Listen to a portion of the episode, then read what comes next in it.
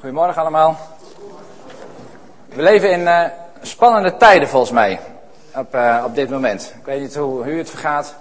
Als je de kranten leest, het nieuws een beetje volgt, dan uh, denk je soms wel eens hoe gaat dit allemaal lopen.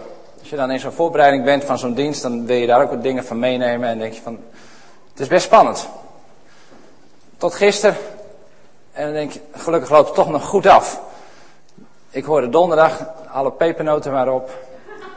De stoomboot van Sinterklaas kwam er wel aan. Maar wat was er aan de hand? Alle pepernoten waren weg. Ik, volgt u het een beetje, het Sinterklaasjournaal? Sinterklaasjournaal, of ja, Sinterklaasjournaal.nl, dat is het hè? Kun je alle uitzendingen nog weer terugzien.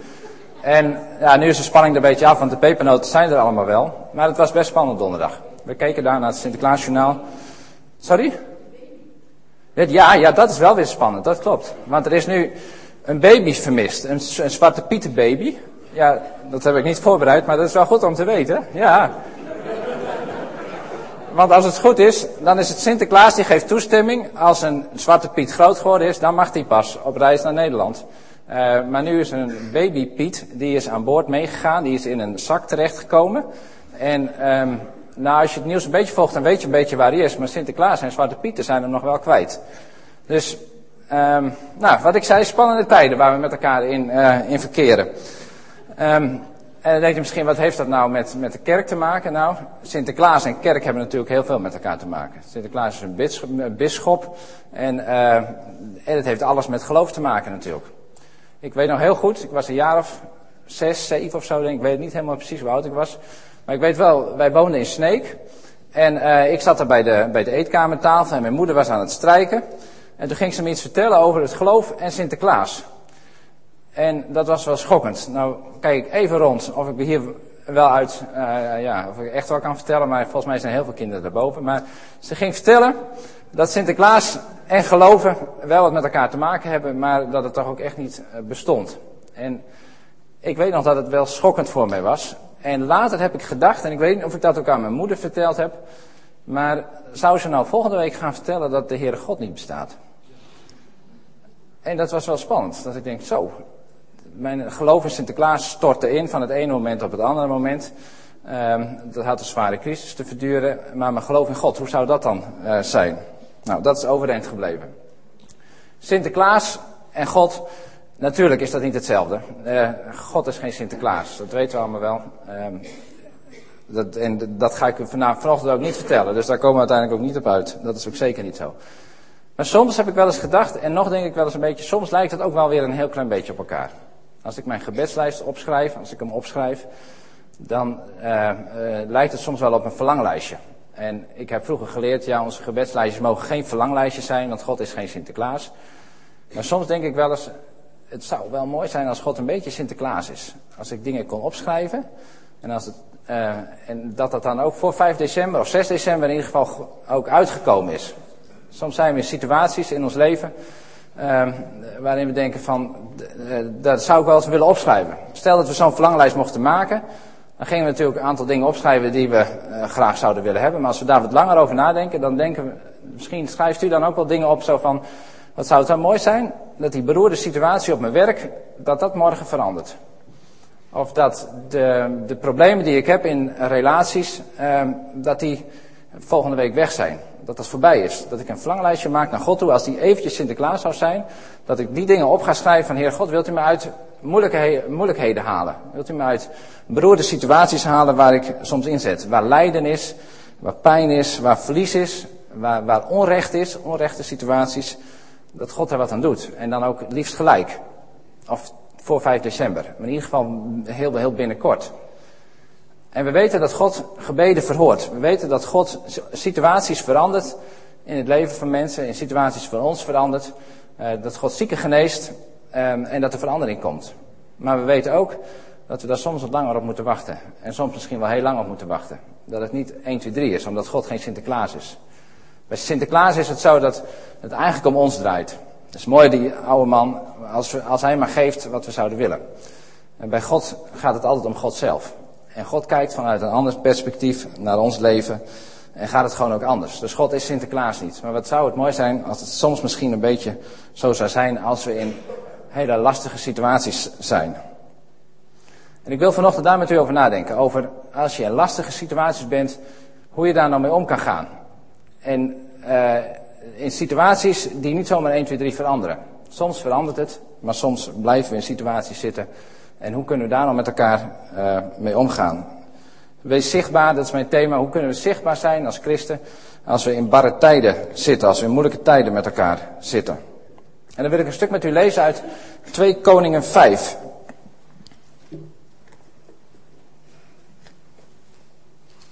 En er staat bij mij boven de genezing van de Aman.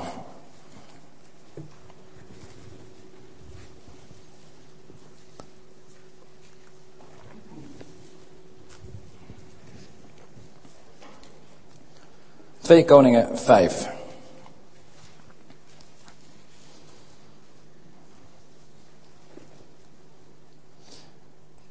Naaman, de bevelhebber van het Aramese leger, stond bij zijn koning in hoog aanzien en werd zeer door hem gewaardeerd.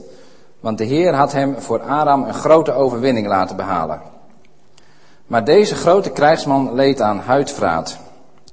Nu hadden de Arameërs op een van hun strooptochten uit Israël een jong meisje meegevoerd, dat als slavin diende bij de vrouw van de Aman. Zij zei tegen haar meesteres, ach, kom mijn meester maar eens naar de profeet in Samaria gaan. Die zou hem wel genezen. Naaman ging naar zijn koning en vertelde hem wat het meisje uit Israël had gezegd. Daarop zei de koning van Aram, ga erheen, ik zal u een brief meegeven voor de koning van Israël. En Naaman ging op weg. Nou, daar wou ik het eerst bij, bij laten. Hoe is de situatie daar? Uh, uh, Aram, uh, de, de, de Aman is een bevelhebber van, van Aram, van het Aramese leger. Ik heb het ergens nagezocht, dat gaat over Syrië. En Syrië is in het noordoosten van, van Israël. En Syrië en Israël leefden altijd wat op gespannen voet met elkaar. dan hadden ze weer wat oorlog en dan botsten ze weer, weer wat met, met elkaar. En in de tijd van, van David was het zo dat, dat David sterker was. En dat Syrië ook belasting betaalde aan, aan David. Maar we zijn nu een aantal generaties uh, verder, wanneer dit verhaal zich afspeelt met, uh, met Naaman. En dan zie je dat Syrië sterker begint te worden en ook, uh, ook, ook, ook, sterker wordt op Israël. En af en toe dan deelt Syrië van die speldenprikken uit aan Israël, waarin ze hem even aanvallen, even wat spul jatten, stelen en vervolgens dan weer zich, zich terugkeren. Nou, dat is, dat is de situatie waar we in verkeren. En Naaman is bevelhebber van, van, van, van het leger. En zijn naam is wel aardig om te weten.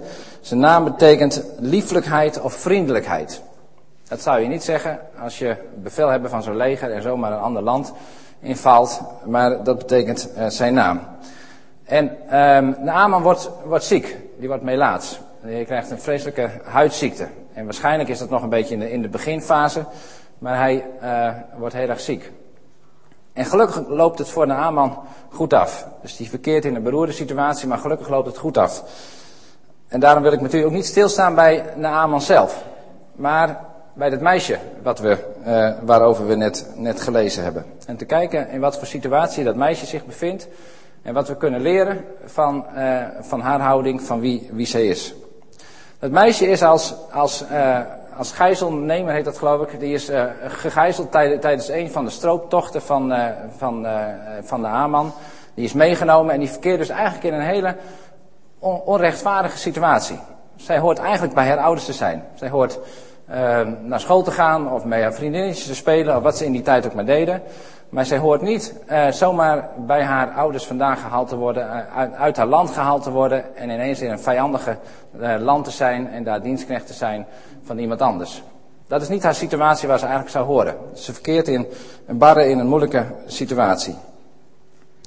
Het feit dat ze hier in het woord van God genoemd wordt en dat het verhaal niet begint bij Naaman die bij de koning komt en die dan gehoord heeft dat er een profeet is, maar het feit dat, dat ze hier genoemd wordt, zegt ook al iets over het feit dat God haar ziet. En dat is een, eh, een eerste hele mooie, mooie les die we van haar al kunnen leren. Is dat in wat voor situatie je ook bent, in wat voor moeilijke situatie je ook bent, in wat voor onrechtvaardige situatie je ook bent en waar je graag verandering in zou willen. God ziet ons, God ziet haar. En er zijn heel wat grootheden na dit meisje geweest. Maar ruim 2000 jaar, misschien wel 3000 jaar nadat dit gebeurd is, praten we nog over haar. Dus, ze, dus door God is in ieder geval in de, even in de schijnwerpers gezet. Ondanks dat ze in een hele beroerde situatie is.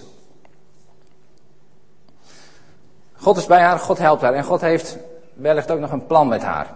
Niet dat God het zo had gewild, dat geloof ik niet. Maar wel dat God in een situatie waar wij ons in kunnen bevinden, in beroerde situaties, dat God daar mee, mee uit de voeten kan. Dat God daar een plan mee heeft. En het misschien niet allemaal 1, 2, 3 verandert. En wat kunnen we dan leren van, de, van dit meisje? Ik wil er drie dingen met u uithalen. Als u het leest, kunt u er misschien wel vijf dingen uithalen, of haalt u er twee dingen uit.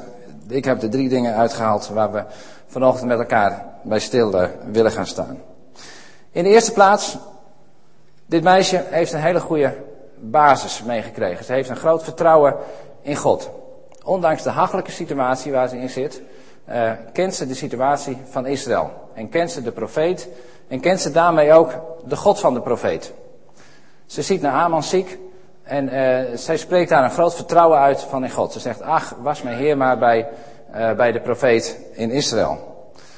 De kans is ook groot dat toen ze nog jonger was, want het is een jong meisje, hoe oud zou ze zijn geweest? Dat staat er niet bij, we weten haar naam niet eens. Misschien is ze acht of tien of twaalf of veertien, ik weet het niet, maar er staat jong meisje is ze.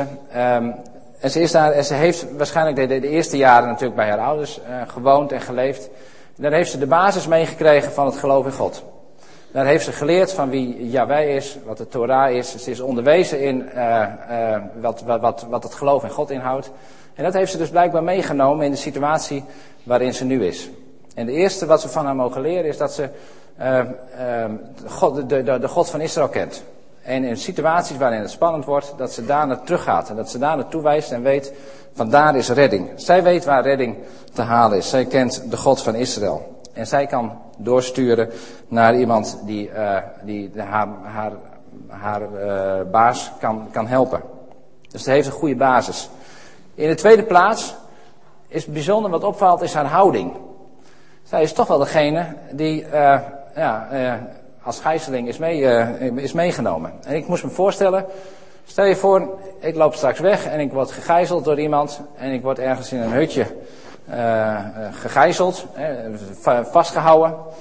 En ze gaan veel geld vragen van, van ons. Nou, geweldig. En van iedereen hier, weet ik wat allemaal is. Niet geweldig, maar dan zit je daar. En die gijzelaar, die krijgt ineens een hartinfarct. Wat zou je dan denken? Wat zou ik dan denken? Dan denk ik, dat is erg. Of denk ik, dank u wel heer. Dat, dat, dat, dat zou ik wel willen. Want dat is een manier om, uh, om te ontkomen. Uh, in dit soort situaties verkeert dit meisje misschien ook. Alhoewel Naaman lieflijkheid heet. En we bijna de indruk krijgen dat het misschien daar ook wel heel mooi is. Is zij in een hele beroerde situatie. En gaat het met Naaman niet goed. En ze denkt niet van eigen schuld dikke bult. Wat krijg je nou van? Als je de God van Israël aanvalt, dan heb je hem ook tegen je. En dan heb je dit soort problemen. Nee, dat doet ze niet. Ze zegt, ach, was mijn Heer maar bij de profeet. Was die maar daar. En haar houding is een hele opmerkelijke. Haar houding is een van bewogenheid. Haar houding is een van, uh, ik weet een oplossing voor deze meneer Naaman. En ik wil hem helpen, ik wil hem uh, doorverwijzen. Ze zegt niet, eigen schuld dikke bult. Ze heeft niet wrok tegen hem. Maar ze zegt, ach, was mijn Heer maar ergens anders. Ze is niet in egoïsme verstand geraakt. Zo van, nou, uh, iedereen is tegen mij, het is allemaal waardeloos en slecht. Nee, ze denkt mee en ze is van egoïsme is ze naar een stuk dienstbaarheid gekomen. Om mensen te gaan helpen, om te helpen. Ze ziet de nood van de ander. En dat is wel heel bijzonder voor een meisje wat nog zo jong is, in zo'n vijandige situatie is en een houding heeft van, van waar kan ik iemand helpen? Een stuk bewogenheid. Dus dat is het tweede wat we kunnen leren. En het derde, en ik kom daar zo nog op terug, is dat ze het ook gewoon zegt. Ze vertelt het gewoon. En daar met alle risico's van dien. Dus dan kan natuurlijk zeggen, was ze maar bij de profeet. En Naaman naar die profeet toe. En het was helemaal misgelopen. Uh, of dat na, na, denkt van, ja, ben je nou helemaal gek. Ik, uh, je, ik als opperbevelhebber moet zeker naar de vijand toe. Hè, ze maken me een kopje kleiner. Jij, uh, wat ben jij voor iemand? Ik ga jou eens even weer wegsturen, weet ik wat. Ze loopt behoorlijk risico door het te zeggen. Maar ze zegt het wel. Ze denkt het niet alleen. Haar houding is niet alleen een houding van dienstbaarheid. Ze weet niet alleen waar de oplossing is. Maar ze zegt het ook. Ze krijgt het, eh, op het moment vertelt ze wat ze te zeggen heeft. En zo zijn die drie dingen, die wil ik straks terugkoppelen naar ons eigen leven. Van wat kunnen wij daarvan leren? Want ik denk dat we allemaal wel eens, of allemaal, eh, of misschien nu wel, dat u in een situatie verkeert waarin u denkt van, wat is dit een bizarre situatie, dit is een moeilijke situatie, wat is er een lijden en wat is er een verdriet wat, wat is dit een beroerde situatie en wat zou het mooi zijn als dat gelijk verandert. En dat u zich misschien wel afvraagt, waarom, waarom ik? Waarom moet mij dit nu overkomen? Waarom altijd ik? Um, en iedereen kent het wel in meer of mindere mate. En dan is de eerste boodschap is dat God u ziet. God, God, God kent u. God kent mij en God is in de situatie. Het is niet zo dat God alleen maar bij ons is als we in de Heer zijn en een geweldig mooie liederen met elkaar zingen en het allemaal goed is met elkaar, op conferenties zijn, dat is, daar is de Heer. Nee, God is ook in de situatie van ons leven waar het moeilijk is. En waar strijd is, en waar pijn is, en waar verdriet is. En op de een of andere manier veranderen die situaties niet altijd. Soms verandert God situaties ogenblikkelijk, soms na een tijdje en soms duurt het heel lang en soms blijft het misschien wel helemaal uit voordat God daarin uh, verandering brengt. Ik moest denken aan het leven van Jezus in het Nieuwe Testament. Hij heeft een heleboel mensen genezen. Soms haalde hij iemand uit de groep die die genas. Soms hoor je, en hij genas iedereen van alle ziekte en alle kwaal. Maar toen Jezus stierf of naar de hemel ging, toen waren er nog steeds zieken. En nog steeds mensen die in lijden en verdriet zaten. En ook dat is bij ons niet anders. Er worden mensen genezen, er veranderen situaties bij ons. Maar soms blijven we in situaties zitten waar we denken, Heer, waarom? Waarom? En hoe gaan we dan met dat soort situaties om? Hoe ga je dan daarmee mee verder? En daar kunnen we iets leren van dat meisje van, uh, van de Aman. Als je in een bedrijf een bepaalde crisis hebt, dan moet je uh, één iemand moet je erbij halen. Weet u wie dat is? Ja, 112 bellen en zo, maar dan is er altijd iemand in het bedrijf. Dat is de BHV'er, hè? Dus als er crisis is, is, dan moet je de BHV'er bellen. Dat is de bedrijfshulpverlening. Dat zijn mensen die zijn er speciaal voor opgeleid, die kunnen EHBO, maar die kunnen ook brandjes blussen. En alleen daarom is het al leuk om BHV'er te zijn. Ja, ik ben het helaas niet. Maar dan ga je één keer per jaar ga je naar zo'n cursus en dan ga je brandjes blussen en dat is natuurlijk wel leuk.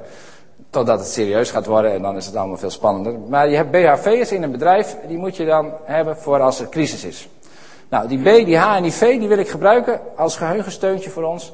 Om uh, te kijken, wat doen wij als wij in crisis zijn met onszelf? Als wij in situaties zijn waar ik het net al over had, wat we graag anders zouden willen. Nou, het eerste wat we doen is de B. Dat is dat we zorgen dat onze basis op orde is. Dat onze geloofsbasis op orde is. Zoals het meisje van de Aman uh, een goede basis had, ook in haar geloof, zo moeten wij een goede basis hebben van ons geloof. Je kan ook zeggen, we moeten een goed fundament hebben waar ons geloof op staat. En wat is dat zoal? Onze relatie met God moet op orde zijn. Onze kennis van de Bijbel, onze Bijbelkennis moet uh, steeds weer vernieuwd worden. En ook ons gebedsleven moet een levend gebedsleven zijn. Dan hebben we een fundament waar we op staan. Dat we weten dat als er wat gebeurt, als er storm komt, dan is het fundament waar we op staan uh, stevig. Een gedeelte wat ik met u niet, nee, dat ga ik niet lezen, denk gezien de tijd. Maar het verhaal van Daniel, kent u wel. Kunt u in het boek Daniel vinden. Daniel, die uh, was eerst in Israël. Nebukadnezar komt en die overvalt Israël. En uh, zegt tegen zijn mannen van, er moeten een paar sterke mannen uit Israël komen. Die er goed uitzien, die goede kennis hebben. Die, uh, nou, die, uh, de top van, van Israël, die moeten jullie hier naartoe halen. Die wil ik opleiden, zodat ze de wijze mensen bij mij aan het hof gaan worden. En een van die mensen is Daniel.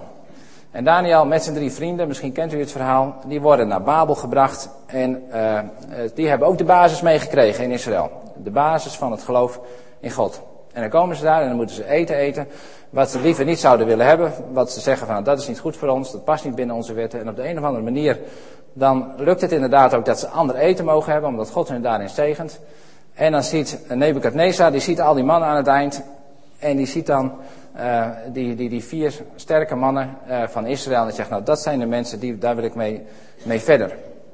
De basis van die heren, van die Daniel en die drie vrienden van hem, die waren, dat was in Israël gelegd. Zij kennen de Heer God. En die principes wilden ze toepassen in hun leven. Dat was de basis van hun leven. Waar ze ook waren, dat was hun basis. En daar gingen ze vanuit. Als je kijkt naar het verhaal van Daniel en de leeuwenkuil, is het niet anders. Die uh, uh, concurrenten van Daniel, om het maar zo te zeggen, die, uh, die wilden een wet bedenken. En die wet was dan dat je alleen maar de, de, de Nebukadnezar kon, kon aanbidden. En uh, Daniel die reageert op een hele bijzondere manier daarin. En dan lees ik even een tekst met u uit Daniel 6 vers 11. Toen Daniel hoorde van het besluit dat op schrift gesteld was, ging hij naar huis. In zijn bovenvertrek had hij in de richting van Jeruzalem open vensters. Daar knielde hij neer, bad tot zijn God en prees hem. Precies zoals driemaal per dag zijn gewoonte was.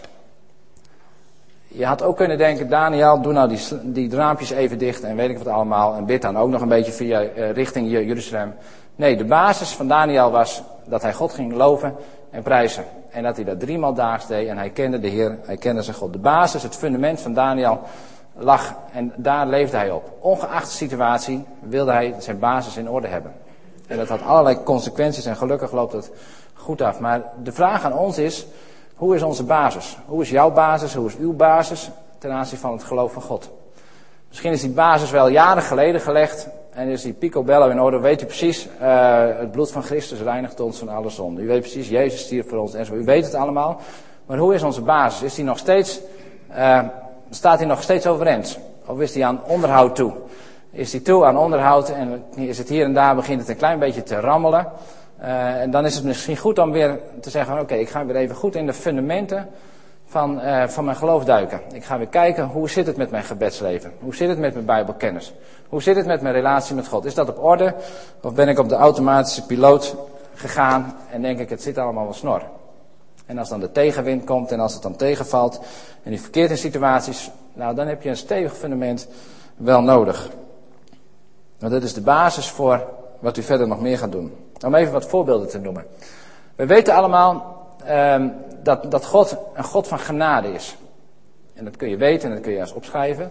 Maar als de God van genade, als dat echt in je leven is geworteld, als je weet dat God een genade God is, dat we dingen gekregen hebben die we niet verdiend hebben. En dat wat we wel verdienden, dat we dat niet gekregen hebben. En dat dat een, een realiteit in ons bestaan is, dan is dat een goede basis om daarin te leven. Want dat heeft dan effect op hoe u uh, tegen andere mensen aankijkt dat mensen u iets aandoen, dat u dan ook die genade die u zelf ervaren hebt, die genade weer kan doorgeven of kan laten zien aan mensen om u heen. Iets anders van die basis is dat we mogen leven, dat, dat we mogen weten dat de vrede van God in ons leven is. En als we leven vanuit die vrede van God, als dat echt, echt setting heeft gekregen, echt, echt wortel heeft gekregen in ons leven, dan leven we een hele week anders dan dat we dat niet zouden doen. Dat we dat zonder die vrede van God zouden doen. Als we de vrede van God kennen, dan gaan we andersom met een volle agenda. Dan gaan we andersom met allerlei dingen die op ons afkomen, die ons stress opleveren. Nee, want we leven vanuit de vrede van God. Dan is ons fundament in orde. Als we weten dat Gods geest ons leidt, dan leven we anders. Als die basis in orde is, als we uh, een beetje meer gaan verstaan van Gods geest, hoe Hij ons leidt, dan, komen we anders te staan in situaties die onverwachts ineens voor ons zijn. Als we in de supermarkt zijn en ineens loopt het anders, op ons werk loopt het ineens anders. Dan mogen we leren luisteren naar de stem van Gods geest en daarvan uit leven. Dan is de basis in orde en dan van daaruit ontstaan weer nieuwe dingen. Als we weten dat we veilig zijn in Gods handen en dat ook echt zo ervaren, dus echt als basis hebben in ons leven, dan, dan, dan, dan reageren we anders op hele spannende situaties in ons leven. Dan weten we, God heeft ons vast. We zijn veilig in zijn handen. En hoe, het ook stormt, we zijn veilig. Hij laat ons niet los. Hij heeft ons vast. Dus de basis wil ik u uh, daartoe oproepen. En de, is uw basis nog in orde? Of heeft dat een, uh, een onderhoud nodig? Is het goed om daar weer opnieuw naar te kijken? Hoe is het met de basis van uw geloof? Dat is de B hè, van de BHV. Dus dat is de B, dat is de basis. Dan gaan we naar de H. En de H heeft alles met de houding te maken. Je dan weer kijkt naar dat meisje bij Naaman, haar houding was eentje, was een houding van, van bewogenheid. Hoe gaat u om met situaties die, die moeilijk zijn, die lastig zijn? Gaat u lopen klagen? Gaat u lopen mokken? Gaat u meelopen rollen op het werk? Als in het werk dingen tegenzitten of in de familie? Gaat u dan lopen roepen van, nou, dit is ook allemaal waardeloos en slecht en dit moet allemaal niet. En uh, nou, dat u mee moppert en mee doorgaat. Wat is uw houding daarin? Of zegt u van ik heb een positieve houding. Ik wil een houding aan het daglicht brengen waarmee we verder kunnen. Wat, wat opbouwend is. Er staat een hele mooie korte tekst in uh, Filippenzen 2 vers 14. Doet alles zonder morren of bedenkingen. We mogen zonder morren en bedenkingen. Al hebben we daar misschien allemaal reden voor. Mogen we dat toch zeggen, oké, dat doen we niet. We gaan een andere houding uh, aan het daglicht brengen. Het voorbeeld wat ik daarmee zou willen, uh, bij, willen gebruiken is het verhaal van Jozef. Jozef, uh, de zoon van Jacob, die heeft een hele mooie mantel en die krijgt de een en ander ook mee.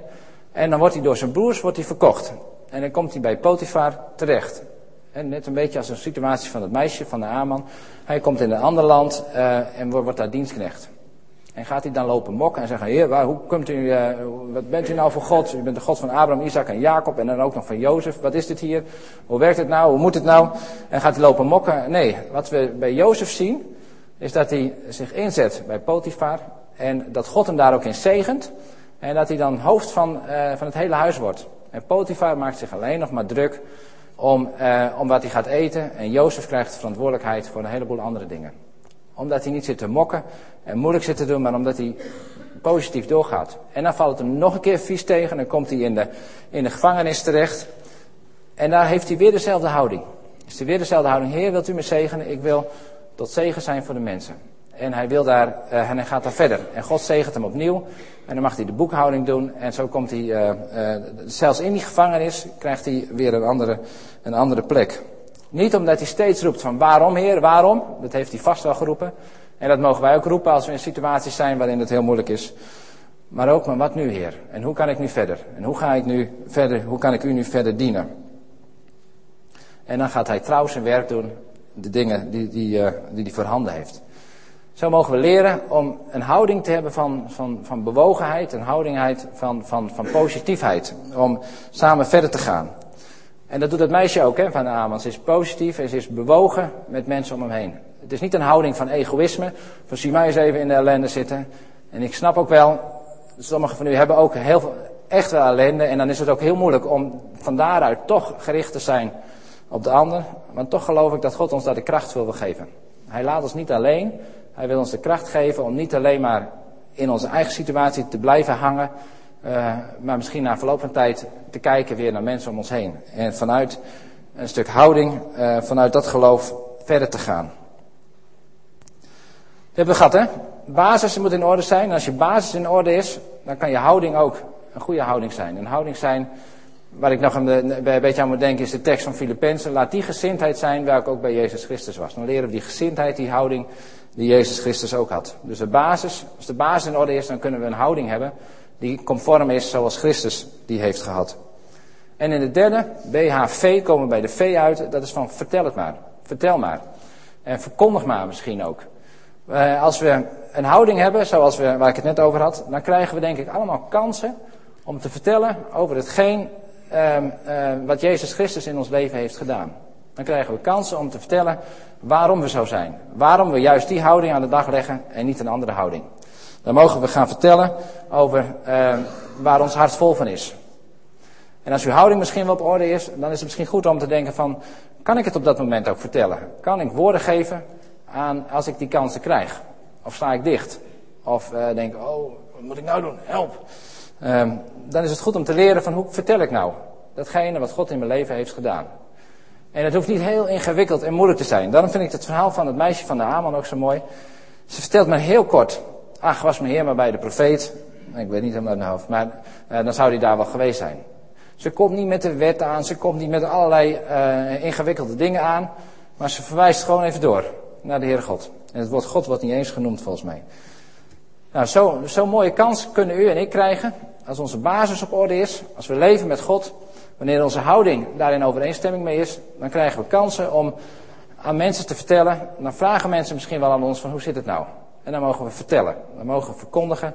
En dan mogen we in alle vrijmoedigheid vertellen wat God in ons leven heeft gedaan. Een heel mooi voorbeeld daarvan is uh, Paulus en Silas. Paulus en Silas zitten op een gegeven moment in de gevangenis. En die hebben het best heel lastig en beroerd daar gehad. En uh, de basis was in orde bij Paulus en Silas. En hun houding was ook een geweldige houding. En misschien als ik eronder in die kerken zat, dan, denk ik, dan was ik heel stilletjes gaan bidden. Want ik weet, God hoort net zo goed naar mij als ik stil ben, dan dat ik hardop praat. Maar wat zij doen, zij kennen BHV niet, maar zij kennen een BHZ of zo, BH van zingen en niet van vertellen. Wat gaan zij doen? Zij gaan zingen. En ze vertellen van hun Heer God, waardoor de mensen om hen heen de boodschap nog eens horen, maar die gevangenbewaarder ook nog weer eens nieuwsgierig wordt van hoe zit het nou. Zo mogen we in situaties uh, vertellen. Er staat een tekst in de Bijbel, we mogen te pas en te onpas vertellen. Nou, dan weet ik niet precies hoe je dat te onpas nou weer moet uitleggen. Iemand heeft gezegd van, uh, uh, of het mij wel uitkomt. Als iemand mij vraagt van hoe zit het nou met je geloof, dan moet ik niet denken, komt het mij wel te pas? Komt het mij wel vanuit? Maar we mogen het vertellen, als het ons nou uitkomt of dat het ons nou niet uitkomt. En hebben we dan onze, hebben we dan onze woorden klaar? Niet onze preken klaar, maar kunnen we dan gewoon vrijmoedig vertellen over wat God in ons leven doet. Nou, dan hebben we een BHV. En als die BHV op orde is, dan, dan kunnen we misschien wel verder. De B van de basis, als uw basis op orde is, als de houding uh, die daaruit voortkomt uh, daarbij past. En dan kunnen we kansen krijgen, denk ik, om te vertellen wat, uh, wat God in ons leven gedaan heeft. We hebben het vorige maand gehad. We hebben het over de vuurtoren, over zichtbaar worden. En zo mogen we zichtbaar worden in de moeilijke situaties waarin we zijn. En vorige maand hebben we het gehad over het fundament, over de basis. En deze maand hebben we het dan over, over de toren. En dat vind ik zo mooi bij, bij die houding passen. Als je naar een van de eilanden toe gaat, dan zie je allerlei vormen en gebouwen en weet ik wat. Maar er is eentje die daar absoluut uitspringt. En dat is de vorm van, uh, van de vuurtoren. Je zou kunnen zeggen de houding van de vuurtoren.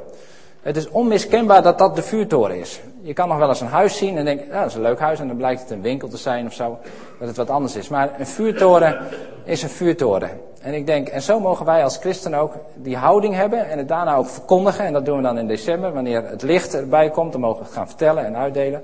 Maar zo mogen we de houding hebben van een christen.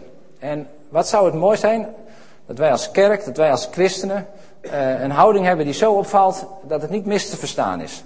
Dat ze niet denken, diegene die bij mij op het werk, zou dat nou een humanist zijn of zo? Of zou dat nou een moslim zijn? Oh nee, het lijkt een christen te zijn. Oh ja. Nou, wat zou het mooi zijn dat, dat u en ik een houding hebben in de samenleving, uh, op de plek waar we staan. Dat zeggen we, dat is een christen, ik weet het. Dan, er is geen andere vorm mogelijk, er is geen andere houding mogelijk, maar dat is de houding van een christen. Dat u daar dan ook de kans hebt om te vertellen. Als individu wil ik u daartoe oproepen, maar ook als kerk. Dat we als kerk uh, zichtbaar zijn voor de mensen om ons heen. We hebben een keer vanuit Percent een project gedaan in, in de Draait. En um, er was een groep van de Arken, die ging die mensen in de Draait helpen. Um, en het gaat niet om die kerk van de Ark, want ik kom zo meteen hier wel bij Open Thuis weer terug.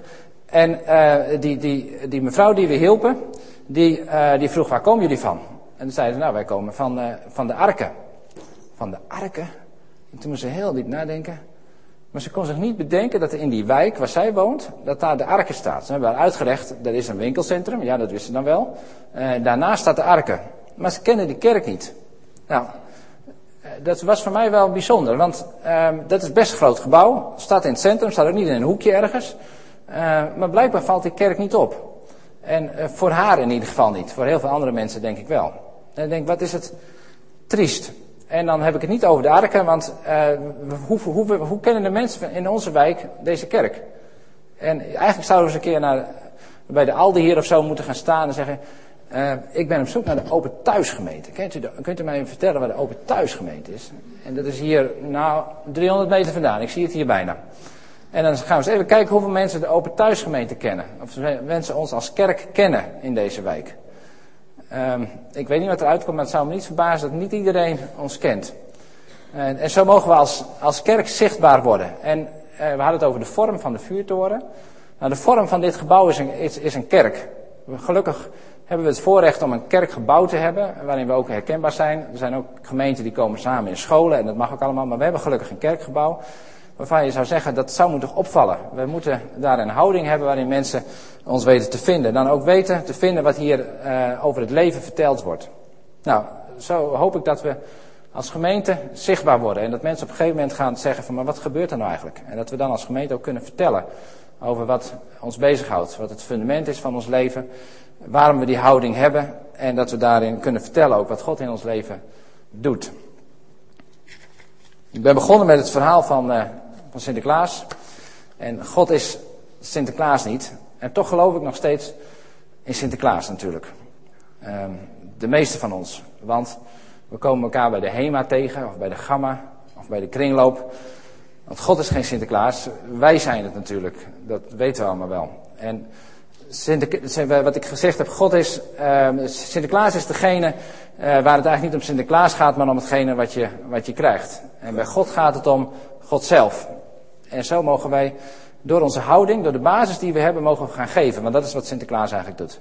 Uitdelen van, van wat hij gekregen heeft. En zo mogen we in onze houding, in onze woorden, mogen vertellen van watgene, uh, wat, wat God ons in ons leven gedaan heeft. En daarmee uh, misschien wel ondanks de crisis om ons heen, wanneer het een beetje tegen zit, en voor Sinterklaas is het misschien ook een beetje tegen, mogen we toch uitdelen. En niet egoïstisch zijn en zeggen, nou we hebben het beroerd en slecht, maar uitdelen van wat God in ons leven gedaan heeft. En daar wil ik u toe aanmoedigen, toe oproepen, om daarmee aan de slag te gaan. Om daar met elkaar, ook als gemeente, mee aan de slag te gaan.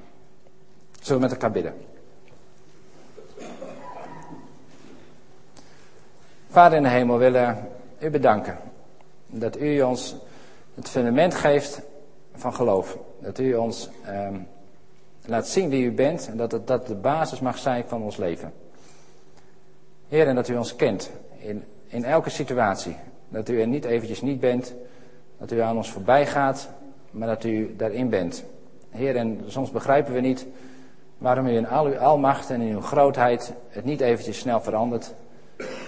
Maar we willen u wel danken voor de kracht die u ons geeft voor nieuwe inzichten die u ons geeft. En dat we misschien op een andere manier tegen onze eigen situatie kunnen aankijken. Heer, wilt u ons leren om u beter te leren kennen. Om zo onze basis op orde te hebben in de relatie met u. Heer, en dat, we, dat dat een effect mag hebben op de houding in ons leven. Dat onze houding een meewerkend zal zijn. Een houding zijn zoals Jezus Christus had. Heer, soms misschien wat kritisch ook. Maar juist om op te bouwen, om uh, bewogen te zijn met mensen om ons heen. Mensen die, uh, ja, die ver van ons afstaan, mensen die dichtbij zijn. Mensen die ons in de eerste instantie misschien wel wat irriteren. Heer, wilt u ons liefde geven voor mensen om ons heen. Het eerste gebod wat u geeft is u lief te hebben. En daaraan gelijk is dat we elkaar lief hebben. Dat we de ander lief hebben en onszelf lief hebben. Wilt u ons dat geven, Heer? Dat u ons dat in ons uit laten werken. En wilt u ons de kansen laten zien die we hebben om van u te vertellen. Om vrijmoedig van u te vertellen. Om te vertellen wat u in ons leven doet. Dat we die kansen niet voorbij laten gaan, maar dat we die, die beet pakken. En op onze eigen manier vertellen van wie u bent en wat u doet in ons leven. Heer, en zo mogen we een lichtend licht in deze wereld zijn, een zoutend zout. En mogen we het leven van u uh, ja, uitdelen aan de mensen om ons heen. Heer, en zo bidden we een zegen over het leven van ons. Uh, ook als, als kerk, maar ook in ons individuele leven, als we weer thuis zijn, op onze werkplek, op school. Dat we kunnen getuigen van wie u bent. Heer, dank u wel dat u met ons meegaat. In Jezus' naam. Amen.